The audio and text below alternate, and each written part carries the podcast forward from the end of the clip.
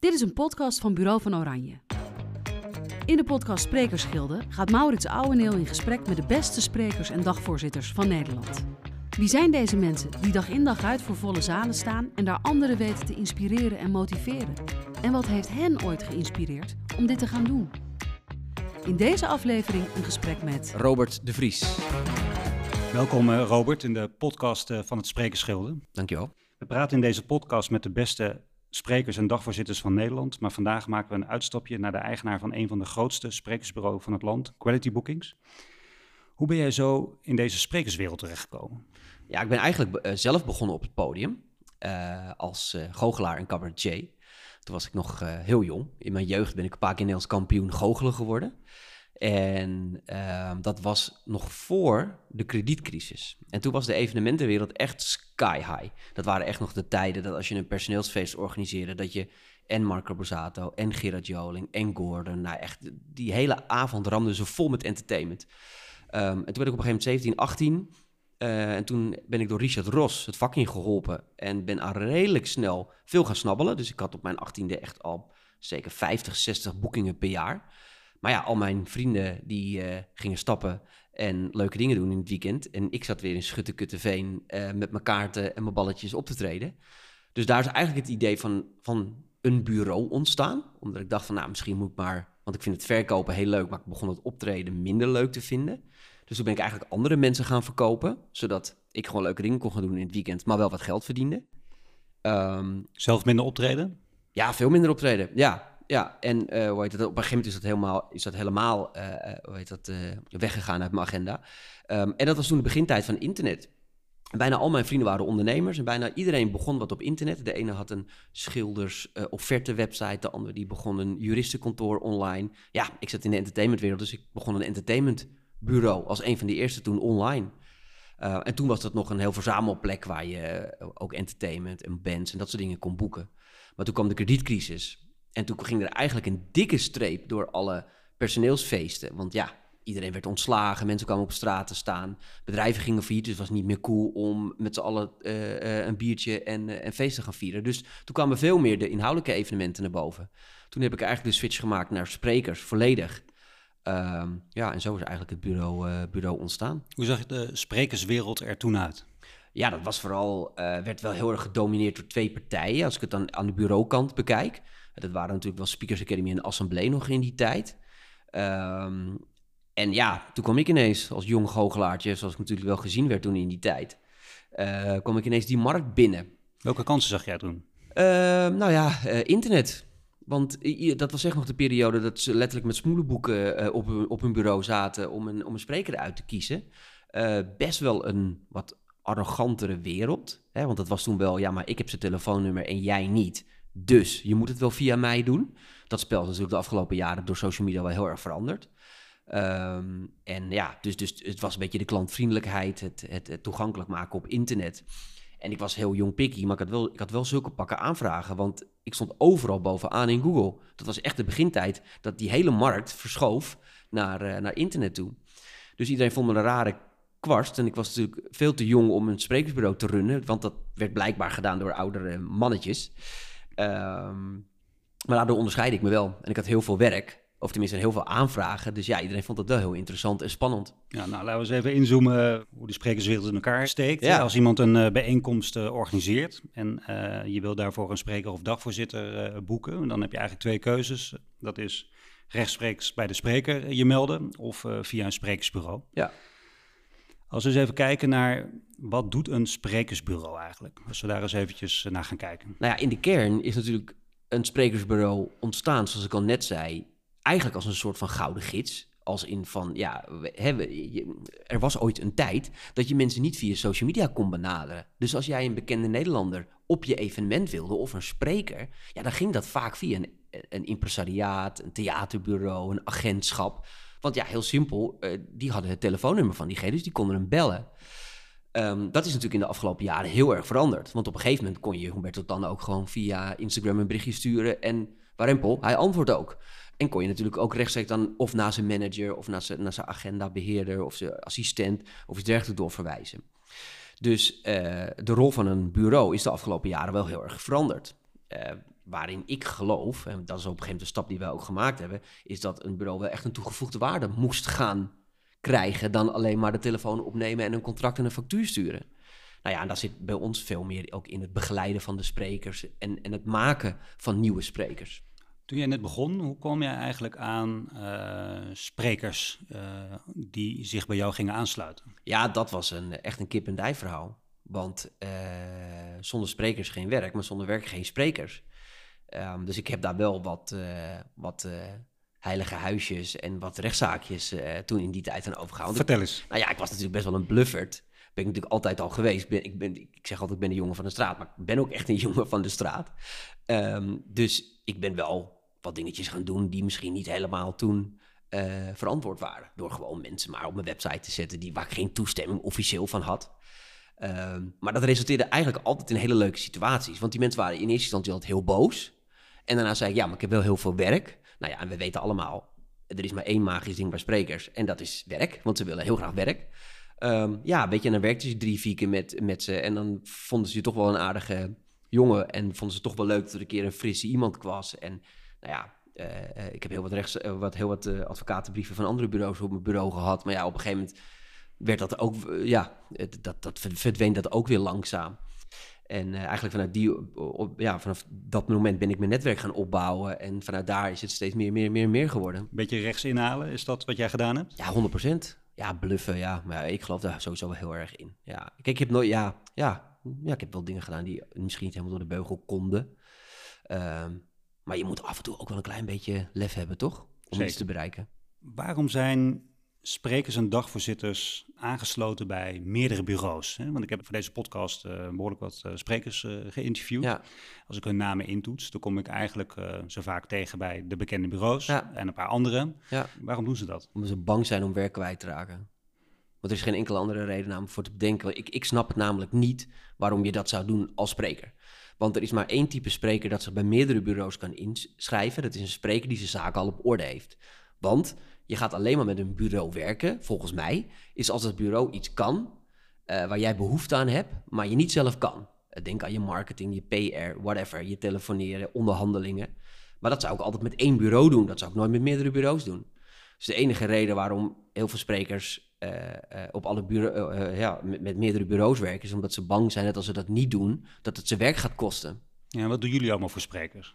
Nou ja, dat, is, dat, dat hangt ervan af wat voor samenwerkingen we met een spreker hebben. Maar je hebt het nu een beetje over de doelgroep die dus bij iedereen staat ingeschreven. Dat doen we niet superveel voor. Uh, daar krijgen we, hè, die, die, die, die bieden we wel aan aan klanten. Maar daar gaan we niet heel actief mee de markt op. Dat doen we wel met de sprekers die we exclusief vertegenwoordigen. Daar gaan we echt mee een plan de campagne maken van wat is nou de stip op de horizon? Wat wil jij als spreker bereiken en hoe kunnen wij jou daarbij helpen? Uh, en dat is een hele intensieve samenwerking. En dat is in de praktijk ook wel gebleken dat dat werkt. Niet altijd, maar... Maar maak je dan ook afspraken? Dat je zegt van, joh, wij gaan dit voor jou doen... maar dan wil ik niet dat je bij de andere bureau staat uh, ingeschreven. Want nou ja, wij gaan extra tijd steken in jou als persoon. Ja, dat is de enige voorwaarde die we stellen. Uh, is dat we zeggen, joh, we gaan met jou werken... maar zolang we met jou werken, moeten de boekingen via ons lopen. Want dat is ons brood. Dat is de enige manier hoe wij geld kunnen verdienen. Dus op het moment dat wij werken... willen wij de boekingen binnenkrijgen. Stel, ik ben beginnend uh, spreker. Ik uh, ga naar jouw website. Ik zie daarboven staan inschrijven als spreker. Ja. Uh, wat gaat er dan bij jullie allemaal gebeuren? Nou, ik moet je wel ook zeggen dat, dat op dat knopje wordt erg veel gedrukt de laatste tijd. Het lijkt wel alsof iedereen tegenwoordig spreker wil worden. ik krijg echt tientallen aanmeldingen per, per week binnen van nieuwe, nieuwe sprekers. Ja, daar gaat eerst mijn, mijn, mijn, mijn, mijn guts feeling overheen. en dan blijft er 2% over. Uh, en daar spreek ik een keer mee af. En dan ga ik kijken of ik daar een klik mee heb, want dat vind ik wel het allerbelangrijkste. Want het is toch altijd wel een intensieve samenwerking. En uh, ja, vanuit daar gaan we kijken of, of je er iets commercieels uit kan halen.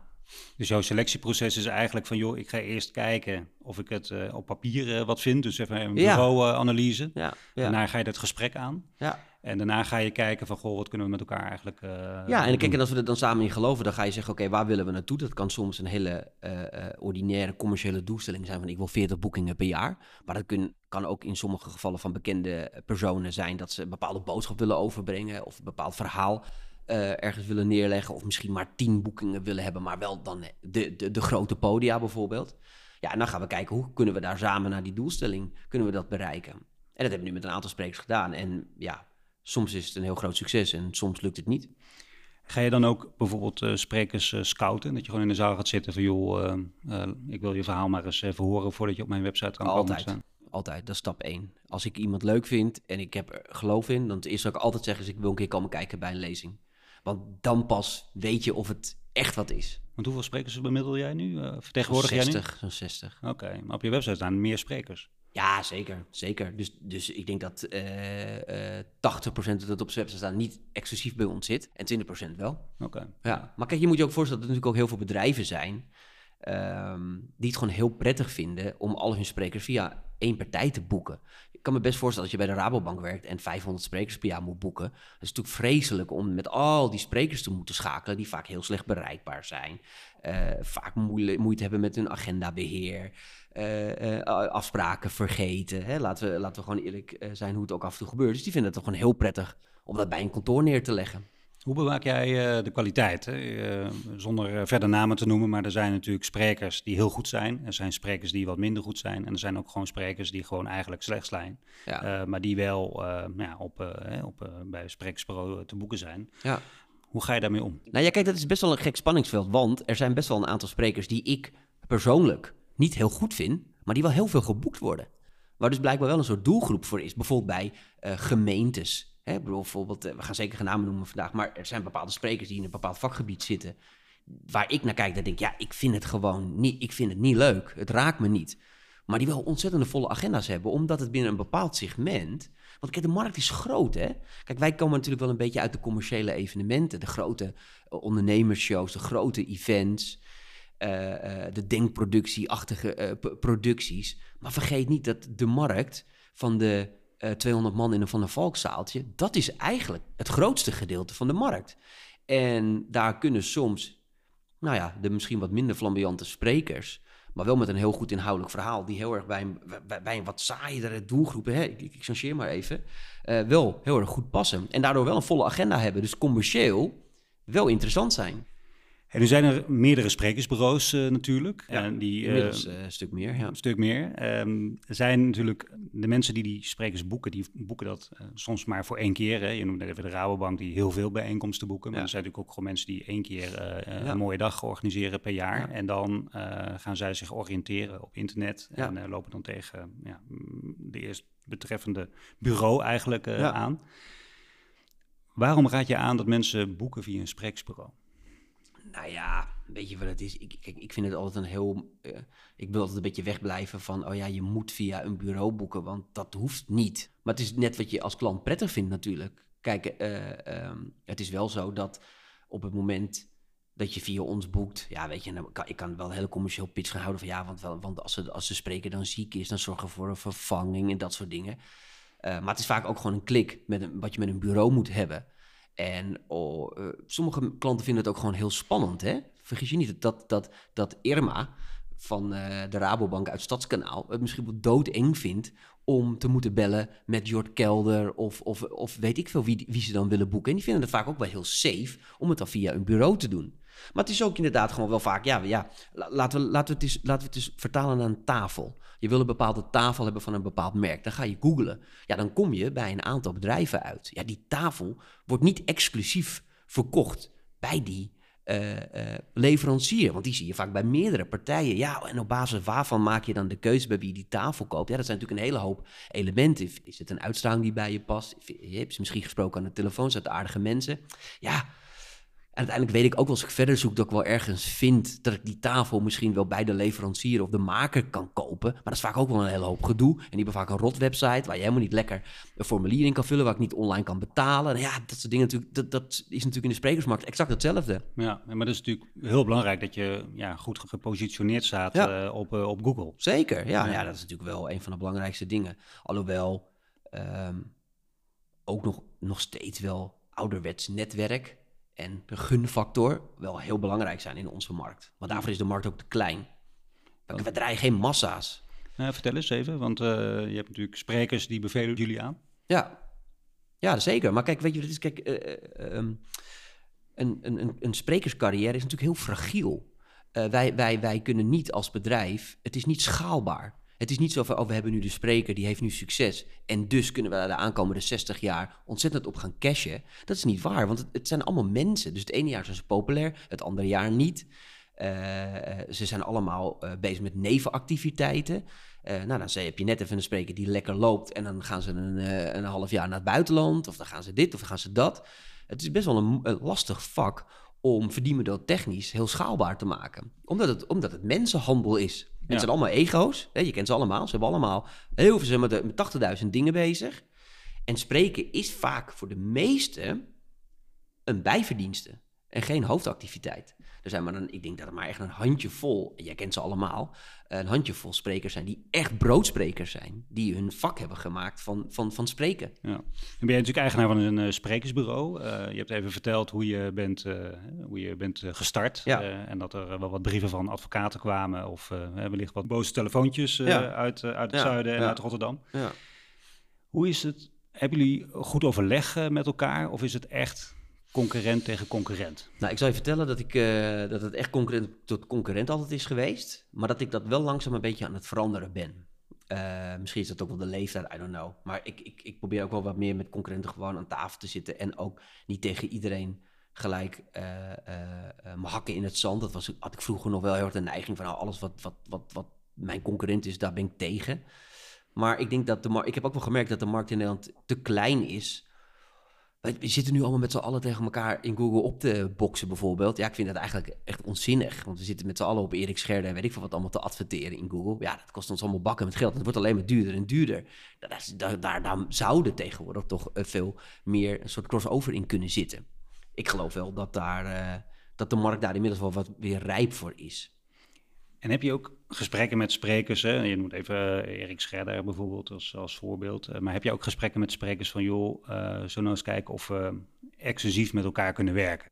het is natuurlijk heel lastig als iemand al een bepaalde succes heeft. Kijk, dat is natuurlijk vroeger jaagde je vooral achter de succesvolle sprekers aan. En waarom? Omdat die altijd een probleem hadden. Ja, klanten, uh, uh, administratie, contracten, dat soort dingen. Maar die problemen hebben sprekers niet meer. Want bijna elke spreker heeft of een assistent of gewoon een softwareprogramma en kan het zelf wel fixen. Dus het is best wel moeilijk om, om, om een Erik Scherder bijvoorbeeld te overtuigen van, van ja, je moet exclusief je aan ons bureau verbinden. Je ziet dat ook niet meer zoveel gebeuren tegenwoordig.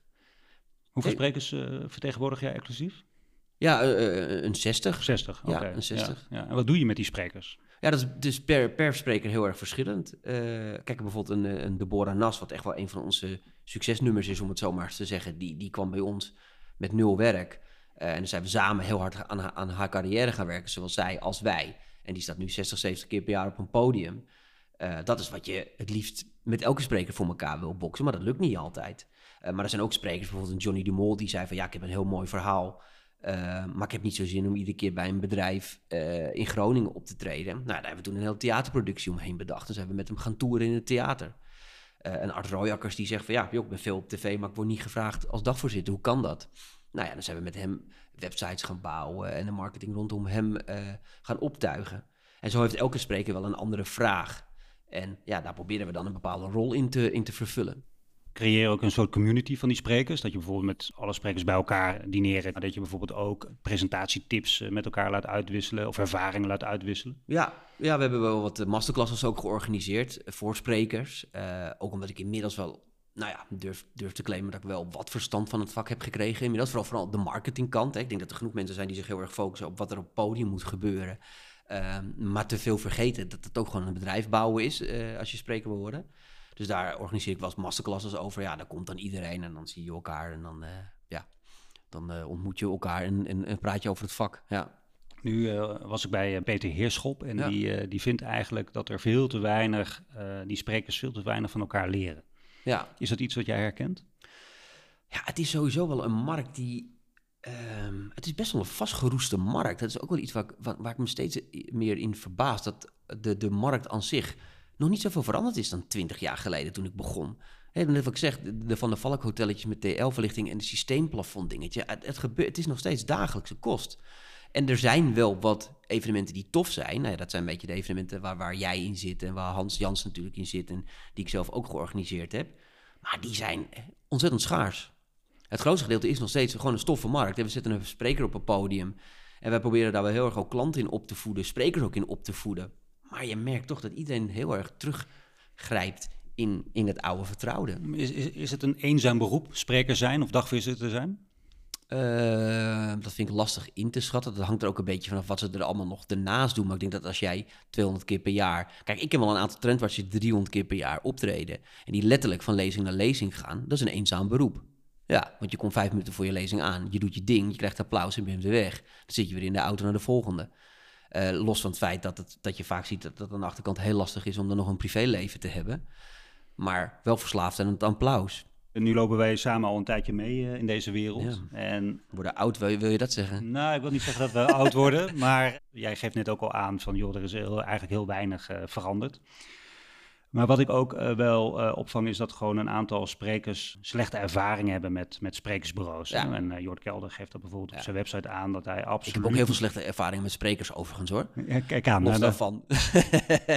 Jort bijvoorbeeld geeft aan al op zijn website al, ik wil niet met sprekersbureaus werken. Ja, maar als ik hem morgen bel, neemt hij wel een boeking aan hoor. Oké, kijk, dat is wel weer interessant om te horen. Hij noemt ook heel specifiek een bureau in mijn uh, podcast. Okay. Wat mij nou opvalt is, toen jij begon, is jij wellicht de derde, maar dat er mm. heel veel sprekersbureaus ja. zijn die eigenlijk heel weinig waarde toevoegen aan de spreker of klopt. dan wel aan de klant. Ja, klopt. Ja, dat, dat zijn echt de ouderwetse verzamelwebsites, noemen we het er maar een beetje. Uh, en dat is wel waarom ik ook tien jaar geleden heb gezegd, oké, okay, ik ga dat niet meer ik wil dat niet meer zijn. Ik wil echt investeren in carrière van sprekers. Nou, je kan al mijn sprekers die ik exclusief vertegenwoordig bellen. Uh, ik weet als we ze nu onder spot bellen, dat ze zullen zeggen: Ja, Robert, die, die, die, die strijdt voor ons. En dat lukt niet altijd. Ik bedoel, ik heb niet iedereen uh, 70 keer per jaar per podium. Maar, maar we doen daar echt onze stinkende best voor. En we, we investeren daar ook geld in, we investeren daar tijd in. Um, dus ik durf wel te zeggen dat we daar echt een toegevoegde waarde in hebben. Alleen Um, ik weet niet of dat je vervolgvraag is, maar ja, er zijn natuurlijk een hele hoop sprekers die het niet leuk vinden met een bureau te werken. Dat snap ik ergens ook wel, want er zijn, er zijn natuurlijk best wel wat cowboy-verhalen geweest en gages die over de kop zijn gegaan. En ja, ik vind altijd wel daar, uh, dat is ook zo. Die dingen gebeuren nou eenmaal. Uh, dat zal ook in andere vakgebieden wel een keer gebeuren. Uh, maar ik denk ook dat veel sprekers zich er ook wel een beetje te druk om maken om die kant van het verhaal wat Jort heel specifiek aangeeft en ook uh, zijn advocaten op uh, gaat zetten, hè, heeft hij aangegeven, mm -hmm. is bijvoorbeeld uh, dat hij zegt van joh, ik sta gewoon op websites ja. vermeld, maar daar ben ik helemaal niet bij aangesloten. Ja. En ik heb ook heel veel moeite om daar vanaf te gaan. Ja, vind ik krankzinnig. Ja, ik, ik weet dat. wij doen het ook met onze exclusieve sprekers. Het is natuurlijk ook wel een beetje een gekke positie, want ik heb vroeger zelf ook gedaan. Maar toen was wel de internettijd nog wel wat meer een cowboy. Nu is het wel wat professioneel allemaal geworden.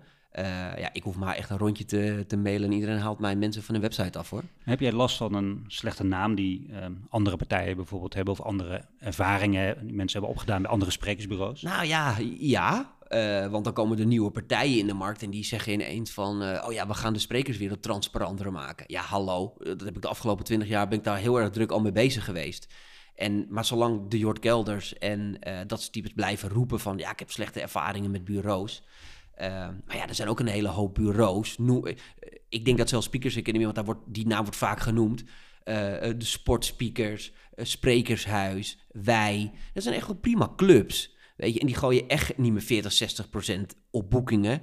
Um, um, en wat sprekers ook nog wel eens een keer vergeten in te schatten, is dat klanten het vaak ook heel leuk vinden om een beetje een soort bonding te hebben met zo'n spreker, door een lulverhaal op tafel te gooien die niet waar is. Ik heb al meerdere keren gehad dat er sprekers naar me toe kwamen van... ik heb gehoord dat jij mij voor 10.000 euro verkocht hebt uh, en ik krijg maar 6. Dus dat betekent dat je 40% op mij gegooid hebt. Ik zeg, ja maar luister vriend, ik zeg, wat jij vergeet is dat er nog 21% btw van afgaat. Dus dat heeft die klant niet tegen jou verteld. Dus, dan, weet je, dus, dus klant, andersom is er, ja, is klanten, ook nog een verhaal. Tuurlijk, want klanten vinden dat vaak leuk, want die hebben, die hebben hun grote idool op de tafel zitten. En dan gaan ze vaak zeggen, nou, uh, ik heb al uh, 10.000 euro voor jou betaald. Nou, en dan ontstaan er allerlei misverstanden en er worden allerlei dingen bijgehaald. En dan wie is dan altijd de lul? De partij die er niet bij is. Ja. En dat is vaak het bureau. Want ja, we kunnen natuurlijk onmogelijk naar al die duizenden uh, boekingen toe per jaar. Dus het gebeurt ook wel eens die other way around. En dat vergeten heel veel sprekers. Maar ja, goed, het is wat het is. Uh, en zo en be it. En uh, ik snap het ergens ook wel. Want ik denk dat als ik een succesvol spreker zou zijn en 200 keer per jaar zou optreden, zou ik ook gewoon lekker een assistent nemen en me niet bij een bureau inschrijven. Jij bent eigenaar van, uh, van een sprekersbureau. Hè. Je hebt vaak uh, gewerkt aan carrières van, uh, van sprekers. Um, nou wordt natuurlijk ook wel op een gegeven moment als er succes is, wordt jouw rol eigenlijk ondergewaardeerd. Hè. We zijn nu eenmaal op de top gekomen en er zijn de sprekers die zeggen ja, nu heb ik eigenlijk um, ja, het bureau eigenlijk niet meer nodig. Vind je dat lastig? Nou, het is bij mij nog nooit gebeurd. maar het is natuurlijk wel de ouderwetse regel, ook in de artiestenwereld. Het is niet de vraag of ze gaan, maar wanneer ze gaan. Um, dat calculeer je eigenlijk al in. Ja, tuurlijk. Maar ik moet je ook zeggen dat alle sprekers waar wij mee werken en waar we echt ook vanuit de bureaukant iets gepresteerd hebben, die, uh, ja, die, ik, ik heb nog nooit iemand gehad die, die het me belde en zei ik ga het zelf doen of ik ga naar een ander bureau. Dat is me nog nooit gebeurd. Hoe kijk je aan tegen nieuwe toetreders die de markt willen veroveren, zoals bijvoorbeeld Showbird? Ja, weet je, ik dat het altijd goed is dat er nieuwe initiatieven uit de grond gestampt worden. Uh, ik denk alleen, kijk, de enige jammer van Showbird vond ik, daar heb ik me ook kritisch over uitgelaten, uh, over Wilfred die dan gaat roepen, ja, we gaan de markt transparanter maken, want ik merk dat dit en, in dat. Ja, dat zijn hele persoonlijke ervaringen en ik denk dat dat niet meer uh, symbool staat voor de hele markt. Ik geloof niet meer dat die markt zo is. Is er ook een soort keurmerk voor sprekersbureaus? Nee, want je hebt vier of vijf sprekersbureaus in Nederland, dus het zou een redelijk nutteloos model zijn. En wie, en wie, en wie gaat het dan beoordelen? Nou, je hebt vier of vijf bureaus, maar je hebt uh, tientallen websites. Maar ja, dat valt wel echt wel. Dat valt tegenwoordig wel met. Dat zijn meer entertainment websitejes, zul ik het dan maar noemen. Um, en die kan je dan redelijk makkelijk uitfilteren. Kijk, eh, kijk, wat ik altijd klanten adviseer is: vraag gewoon eens aan die bureau van ja, vertegenwoordig je die spreker exclusief ja of nee? Ik bedoel, dan kan je toch gewoon. Ik bedoel, als mensen dat aan ons vragen, zeggen we ook gewoon nee. We vertegenwoordigen Erik Scherder niet exclusief. Maar er zijn wel 50, 60 mensen per jaar die Erik Scherder bij ons boeken. Um, en de Erik Scherder vindt dat heel fijn, want wij zijn altijd heel netjes. We betalen hem heel snel en we zorgen dat alles voor hem geregeld is. En we boeken zijn treinkaartjes en we zorgen dat hij niet op hoge podia komt te staan. Dus we weten inmiddels wat hij wel en niet leuk vindt en wat hij prettig vindt. En dat werkt gewoon heel prettig. Um, dus ik denk, ja, ik denk dat het in de praktijk best wel meevalt hoor. Je hebt zelf een podcast, hè? dan geef je adviezen hoe uh, je spreker kan worden. De Sprekers van de Toekomst ja. uh, heet, heet, de podcast. Melden zich daar veel mensen voor aan? Ja, heel veel mensen. Ja, alleen daar zit natuurlijk ook wel een... Kijk, jij bent natuurlijk een heel onafhankelijke podcast nu aan het maken. Dat is superleuk. Uh, bij mij zit natuurlijk ook wel een soort commercieel oogpunt achter. Dus ik interview natuurlijk wel alleen de mensen waar ik ook commercieel iets aan heb, om het zo maar te zeggen. En waar ik een samenwerking mee heb, in, in welke vorm dan ook. Of heel graag mag, of al jaren ken. Dus het, zit, het is natuurlijk ook wel een beetje ons kind ons. Um, maar het is wel ontstaan als een zoektocht van, ja, hoe word ik nou een succesvol spreker? En dan vooral de marketingkant. Waarom willen mensen eigenlijk spreker worden? Ja, uh, dat, dat, dat kan heel veel redenen hebben. Uh, de meest voor de hand liggende en de meest genoemde is makkelijk geld verdienen, uh, applaus. Um, maar de echte redenen zijn vaak, ik wil mensen inspireren, ik wil bepaalde boodschappen overbrengen, ik heb iets meegemaakt, dat wil ik delen. Ik wil andere mensen inspireren, ik wil andere mensen motiveren, ik wil mensen laten lachen. Uh, dat zijn een beetje de, de, de belangrijkste redenen om het te doen. Als iedereen iemand al begint over applaus en geld, dan ga ik meestal in per definitie niet met ze werken. Nu kennen we allemaal uh, veel uh, succesvolle sprekers. Als je gaat kijken naar die carrières, dan is dat uh, vaak begonnen voor een spiegel en in kleine ja. zolderkamertjes, kleine zaaltjes. En dan uiteindelijk na wellicht heel veel jaren en een heleboel helemaal niet, ja. komen ze in een groot podium terecht. Ja. Wat mij opvalt is dat de afgelopen jaren, en ik loop 18 jaar mee, dat mensen eigenlijk gelijk het grote podium op willen. Dus eigenlijk die hele sprekersladder, zoals uh, Robert Doornbos dat mooi uh, noemt, uh, willen overslaan. En eigenlijk gelijk voor het grootste en hoogste podium willen. Maar hoe verklaar je dat? Nou ja, dat is natuurlijk inherent aan de hele entertainmentindustrie. Dat is natuurlijk ook wel wat een beetje de ehm, talentenjachten op tv weet je, kapot hebben gemaakt. Is dat mensen ineens op het allerhoogste punt van hun carrière willen beginnen. Nou, kan je vertellen, ik ken heel veel mensen die aan dat programma hebben meegedaan. Dus bij niemand is het, een, is het echt een goed idee geweest. Want um, ik ben ook mijn carrière begonnen in kroegjes, in cafeetjes, in kleine uh, bruiloftjes, dat soort dingen. En je groeit langzaam die markt in. Dat is ook heel belangrijk, want de entertainmentwereld is een keiharde, ongemakkelijke wereld die gedomineerd wordt door arrogante, narcistische uh, mensen die allemaal heel graag in de belangstelling willen staan. Daar moet je heel geleidelijk ingroeien om te weten waar je wel in mee wil gaan, waar je niet in mee wil gaan, waar je wel ja tegen moet zeggen, waar je nee tegen moet zeggen. Um, en uh, dat is niet een wereld waar je ineens op het allerhoogste niveau binnen moet komen. En nou, dat heb je nu ook wel bij The Voice en dat soort programma's gezien, waar dat natuurlijk aan de achterkant hartstikke fout gaat. Dat is wel om die reden, omdat je ineens met allemaal mensen uh, komt te zitten waar je helemaal niet mee kan levelen. Nou ja, dat is in de sprekerswereld net zo. Mensen zijn niet meer zo bereid om het hele proces te doorlopen. En de mensen die dat wel bereid zijn, ja, die worden uiteindelijk ook succesvol. Wat raad jij aan als uh, mensen zich bij jou melden en zeggen, joh, ik wil eigenlijk uh, succesvol spreker worden? Wat zijn eigenlijk dan de drie adviezen die jij zo aan hun geeft? Nou ja, eerst heel helder voor ogen hebben waarom je dat in godsnaam wil. uh, meters gaan maken. Dus je moet echt ontzettend gewoon bereid zijn om op elk podium te klimmen en, uh, en je verhaal te vertellen. Dus zelfs als met dat je een zanger wil zijn of een goochelaar of weet ik veel wie, pak elke gelegenheid aan om, om je truc te kunnen doen. Want daar is waar je het, dat is uiteindelijk je allerbelangrijkste visitekaartje. Want er moet altijd weer iemand in de zaal zitten die denkt: hey, dat, alle succesvolle sprekers die jij hebt geïnterviewd zeggen allemaal hetzelfde. Ja, ik geef dan ergens een lezing, zitten twee mensen in de zaal, die hebben binnenkort ook een bijeenkomst en die boeken me dan weer. Dat is het rad wat je aan wil krijgen. Dus dat is natuurlijk een van de allerbelangrijkste dingen. En claim je expertise. Je moet zorgen dat, ik bedoel, de reden waarom al deze jongens uh, zoveel geboekt worden, is omdat ja, als je het over uh, marketing hebt, uh, wil je Jos Burgers hebben, hè, je marketing en sales. En als je een neurowetenschapper hebt, wil je Erik Scherder hebben, want dat is de absolute expert op dat gebied. Dat is wat je als spreker wil bereiken. Hey, naast de eigenaar van een sprekersbureau, Quality Bookings, heb je nog een aantal andere bedrijven, zoals eventbureau, theaterbureau, eventcateraar. Wat is de synergie tussen deze bedrijven? Evenementen. Ja, het, veel, het, het, het, het, speelt zich af allemaal op de evenementenwereld af. En ik moet wel zeggen dat eventbureau.nl is eigenlijk mijn succesvolste bedrijf wat ik heb. Daar, doe, dat doe ik samen met Bart van de Beek. inmiddels nu tien jaar en we organiseren daar echt hele grote event voor corporate. En uh, ja, de gemeente delen is altijd evenementen en entertainment. Dat is waar mijn hart ligt. Ik heb wel eens geprobeerd om andere dingen te doen, maar daar ligt, ik, ik, krijg, ik, heb, ik heb daar ook gewoon geen feeling voor. Voor producten en dat soort dingen. Ik ben er wel jaloers op hoor, op mensen die producten verkopen. Hoe manage je al deze bedrijven? Uh, door niet te veel in de operatie bezig te hoeven zijn. Dus ik ben er vooral heel erg aan top mee bezig. En ik ben vooral het visitekaartje en ik doe de marketing, ik doe de PR. Maar ik draai niet in de praktijk mee. heb jij veel contact met sprekers dan wel zelf? Uh, non-stop. De hele dag door. Ja. ik ben wel een, uh, een, een, een vraagbaak, zeg maar. Dus ik word wel gebeld van Rob, mag ik even je advies? Rob, hoe zit dit? Hoe zit dat? Hoe denk je daarover? Moet ik dit wel doen? Moet ik dit niet doen? Is het de kans? Is het geen kans? moet ik wel een boek schrijven? Niet? Bij wie dan? Ik ben, ik ben een verbinder in dat opzicht. Weet je, we werken nu met Timo Hans. Nou, dat, dat, dat, die zie ik echt wel als een potentieel succesvol spreker ja, weet je, die help je dan aan een, aan een goede uitgever en die help je aan dit. Maar dat zijn natuurlijk allemaal belangeloze dingen. Uiteindelijk ga ik pas een keer geld verdienen als hij 60 keer per jaar op een podium staat. Dat vind ik leuk. Hey, jij bent, uh, bent ondernemer en in 2016 uh, eh, organiseerde jij het evenement Inspiration 360 in de Ziggo Dome. Zeker. Met, met sprekers als Al Gore en Richard Branson. Ja.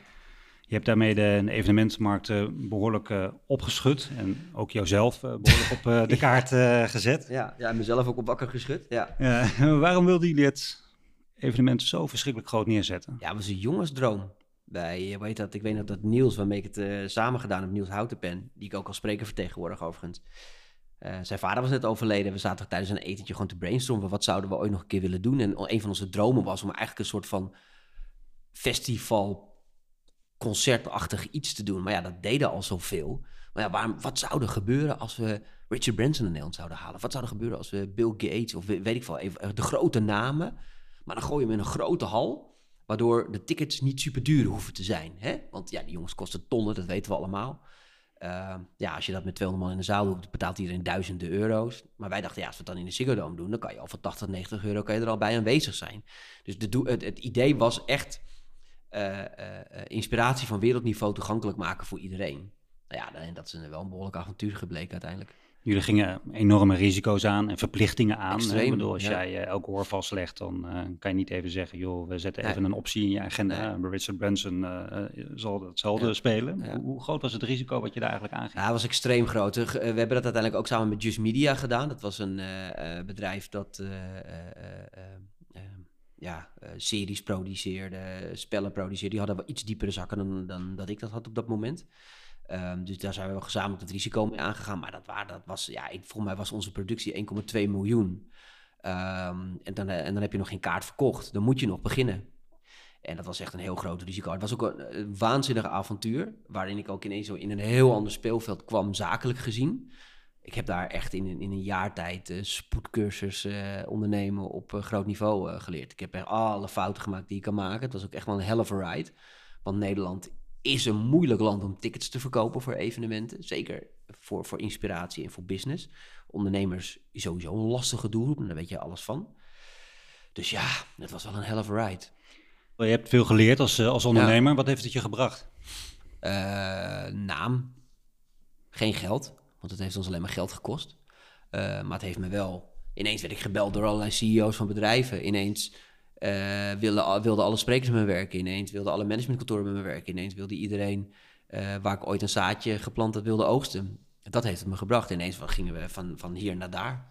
In, in alle opzichten. En het blijft ook nog steeds. Weet je, ik bedoel, want het is inmiddels 2016, dus het is echt al lang geleden. En nog steeds blijven mensen zeggen: Ja, god, ik was toen op dat evenement van jou. Wat was dat? Wat zinnig en wat knap. En, uh, dus ja, dat, dat heeft het me gebracht. Zijn er nog wensen die op jouw bucketlist staan als onze ondernemer? Uh, nou, als ondernemer heel veel. Ehm, maar weet dat, als we kijken een beetje naar het sprekersvak. Ik zou het ook nog wel leuk vinden om uiteindelijk zelf weer wat meer op het podium te gaan staan. Daar ligt toch wel een passie van mij. maar dat zou ik pas echt doen als ik quality bookings daar of mee gestopt ben, of het ooit verkocht heb, of weet ik veel wat. Samenwerken met iemand eraan gaan. Ik zal dat nooit doen, zolang ik nog eigenaar ben van quality bookings. Ehm, ik, ik, ik, heb natuurlijk jarenlang wel op het podium gestaan. Maar dat lijkt me nog wel leuk om een keer te doen. En dan echt een hele toffe, mooie lezing over ondernemerschap of iets in die trant uh, te bouwen. En jouw bureau bestaat ongeveer 20 jaar. Hoe ziet de sprekersmarkt er over 20 jaar uit? Poeh, dat vind ik een hele lastige vraag. Daar denk ik eigenlijk nooit zoveel over na. Ik denk wel dat het, dat het digitale steeds meer terrein gaat winnen. Alhoewel, ja, dat zeg ik, maar we hebben net ook geconcludeerd dat de afgelopen 20 jaar de markt eigenlijk amper veranderd is.